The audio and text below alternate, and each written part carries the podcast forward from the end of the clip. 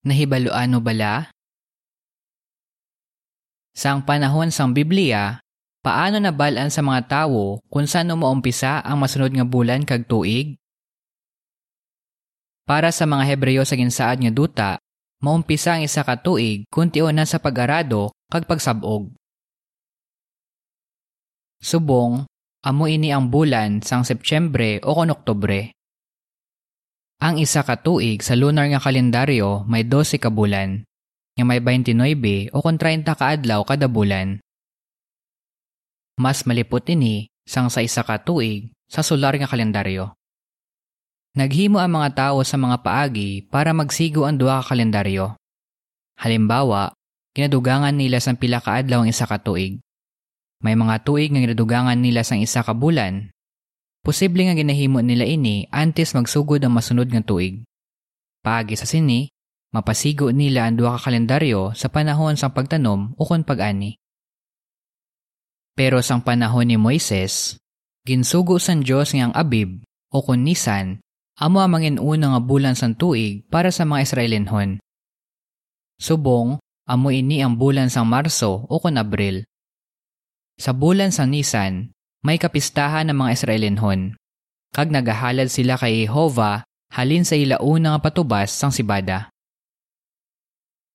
Mahapos lang mabalaan kung saan dugangan sang isa ka bulan ang isa ka tuig. Siling sang professor nga si Emil Schurer. Sa iya libro nga The History of the Jewish People in the Age of Jesus Christ, 175 BC hasta AD 135. Ang Paskwa nga ginasaulog kun ugsad sa bulan sa Nisan, 14 Nisan. Pero may ginahiwat pagkatapos ang vernal o kon spring equinox. Gani kung malapit na matapos ang isa ka tuig, kag matalupangdan nga ang Pasko matupa antes ang vernal equinox, ginadugangan sa ika-13 nga bulan ang tuig antes magumpisa ang Nisan. Amo ini ang paagi ginagamit sa mga saksi ni Jehovah para mabalaan ang husto nga petsa sang panihapon sang Ginoo. Nga ginahiwat sa bulan sang Marso o kun Abril nga katumbas sang Nisan 14 sa Hebreo nga kalendaryo. Abansi nga ginapabalo ini nga petsa sa mga kongregasyon sa bilog nga kalibutan. Pero paano nabalaan sa mga Hebreo kung saan umatapos ang isa ka bulan kag maumpisa naman ang isa ka bulan? Subong, Madali mo ini makita sa kalendaryo nga naimprinta o kung sa kalendaryo sa imo gadget, pero hindi amo sinikadali isang panahon sa Biblia. Sang panahon ni Noe, nagalawig sing 30 kaadlaw ang kada bulan. Sang ulihi sa mga Hebreo, hindi pala reho nga 30 kaadlaw ang isa ka bulan. Para sa mga Hebreo, maumpisa ang isa ka bulan kung makita na nila ang lati. Lati ang bulan kada 29 o kung 30 kaadlaw. Isa ka bes, may ginsambit si David kag si Jonathan nga nagapahangop nga maumpisa na ang masunod nga bulan. Nagsiling sila. Buwas, lati ang bulan. Unang Samuel, 20, 5, kag 18. Gani, posible nga sang panahon nila, abansin nila nga mabalaan kung saan maumpisa ang isa ka bulan. Paano nabalaan sa mga Israelinhon kung saan maumpisa ang masunod nga bulan? May ginsiling parte sa sini ang Mishnah ukon ang gintingob nga record sang kasuguan kag tradisyon sa mga Hudiyo. Suno sa sini, pagkatapos makabalik ang mga Hudiyo nga bihag halin sa Babylonia, may ginahimo ang Sanedrin, mataas nga korte sa mga Hudiyo, para mabalaan kung saan mo umpisa ang masunod nga bulan. Sa tion sa pito ka bulan na ginasaulog ang mga kapistahan, nagatipon ang mga membro sini nga korte sa ika-30 nga adlaw sang bulan. Sila ang nagadesisyon kung saan mo umpisa ang masunod nga bulan. Ano ang ginabasihan nila sa ila desisyon? Kung gabi, may mga lalaki nga nagapwesto sa mataas nga mga lugar sa palibot sa Jerusalem para bantayan kung lati na ang bulan. Kung makita nila nga lati na, ginasugiran nila dayon ang Sanedrin. Kung may bastante na nga pamatuod ang mga membro sini nga korte nga makita na ang lati, Kinapabalo nila nga umpisa na sa isa ka bulan. Pero ano abi kung hindi makita sa mga bantay ang bulan, bangod may mga panganod o kung nagafag? Ginapabalo nga mangin 30 kaadlaw ang subo nga bulan antes magumpisa ang masunod nga bulan.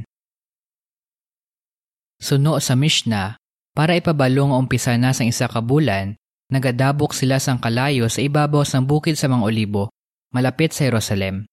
Dayon, nagadabok man sila sang kalayo sa iban pa nga mataas nga mga lugar sa bilog ng Israel para ipabalo ini. Sang ulihi, may mga mensahero na nga nagapabalo sini. Gani mabalaan sa mga Hudeyo sa Jerusalem kag sa iban pa nga mga lugar nga umpisan na sa isa ka bulan. Paagi sa sini, dungan nila nga masaulog ang mga kapistahan. Makabulig sa imo ang chart sa sini nga artikulo para mahangpan mo ang mga bulan, mga kapistahan, kag mga tiyempo sa Hebreo ang kalendaryo nga ginagamit sa mga Israelinhon sa una. Ari ang dugang impormasyon. Hebreo nga kalendaryo. Nisan, ukon Abib. Ika-14 nga adlaw, ang Paskwa.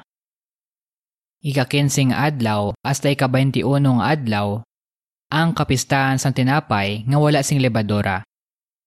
Ika-16 nga adlaw, ang paghalad sing una nga patubas. Nagaawas ang Hordan bangod sang ulan, kag nagakatunaw nga yelo.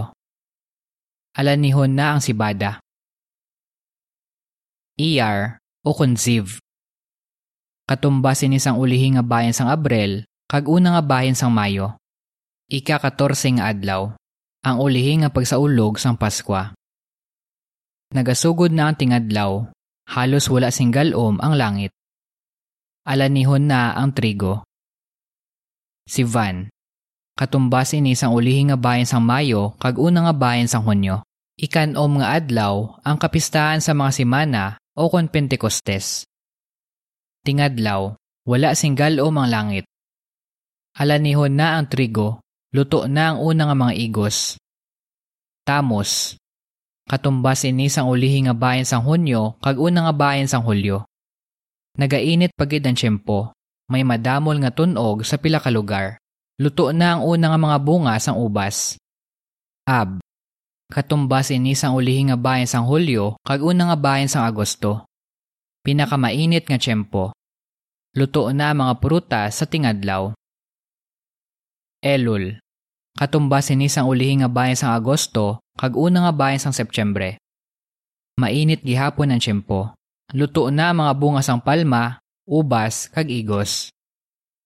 Tishri o kon itanim Katumbas ini sang ulihi nga bayan sang Septyembre kag una nga bayan sang Oktobre. Una nga adlaw, ang kapistahan sang pagpatunog sang trompeta. Ikanapulo nga adlaw, ang adlaw sang pagtumbas para sa sala. Ika-15 nga adlaw hasta ika-21 nga adlaw, ang kapistahan sa mga payagpayag. Ika-22 nga adlaw, sagrado nga pagtilipon. Matapos na ang tingadlaw, kag nagasugod na ang pag-ulan. Nagasugod na ang pag-arado. Heshvan o Kunbul. Katumbas ini sang ulihi nga bayan sa Oktobre kag una nga bayan sa Nobyembre. Nagaulan-ulan. Luto na mga bunga sang olibo. Kesleb. Katumbas ini sang ulihi nga bayan sa Nobyembre kag una nga bayan sa Desyembre. Ika-25 nga adlaw. Ang kapistahan sang pagdedikar. Perme nagaulan. Nagaulan sa mapino nga yelo, kag nagaulan sang yelo sa bukid. Ginapasilungan ang mga karnero. Tibet. Katumbas ini sang ulihi nga bayan sang Desyembre kag una nga bayan sang Enero. Pinakamatugnaw, tingulan, kag nagaulan sang yelo sa bukid. Nagatubo ang mga tanom. Shibat. Katumbas ini sang ulihi nga bayan sang Enero kag una nga bayan sang Pebrero. Nabuhinan ang tugnaw, padayon ang pagulan. Nagapamulak na ang almendra. Adar. Katumbas ini sang ulihi nga bayan sang Pebrero kag una nga bayan sang Marso. Ika-14 nga adlaw kag ika-15 nga adlaw. Ang kapistahan sang Purim. Pero may nagadagoob kag nagaulan sang yelo nagapamulak na o kung alanihon na ang tanom nga flax. V. Adar. Katumbas ini sang Marso. Bulan niya ginadugang pito ka beses sa sulod sa 19 katuig. Diri natapos ang artikulo.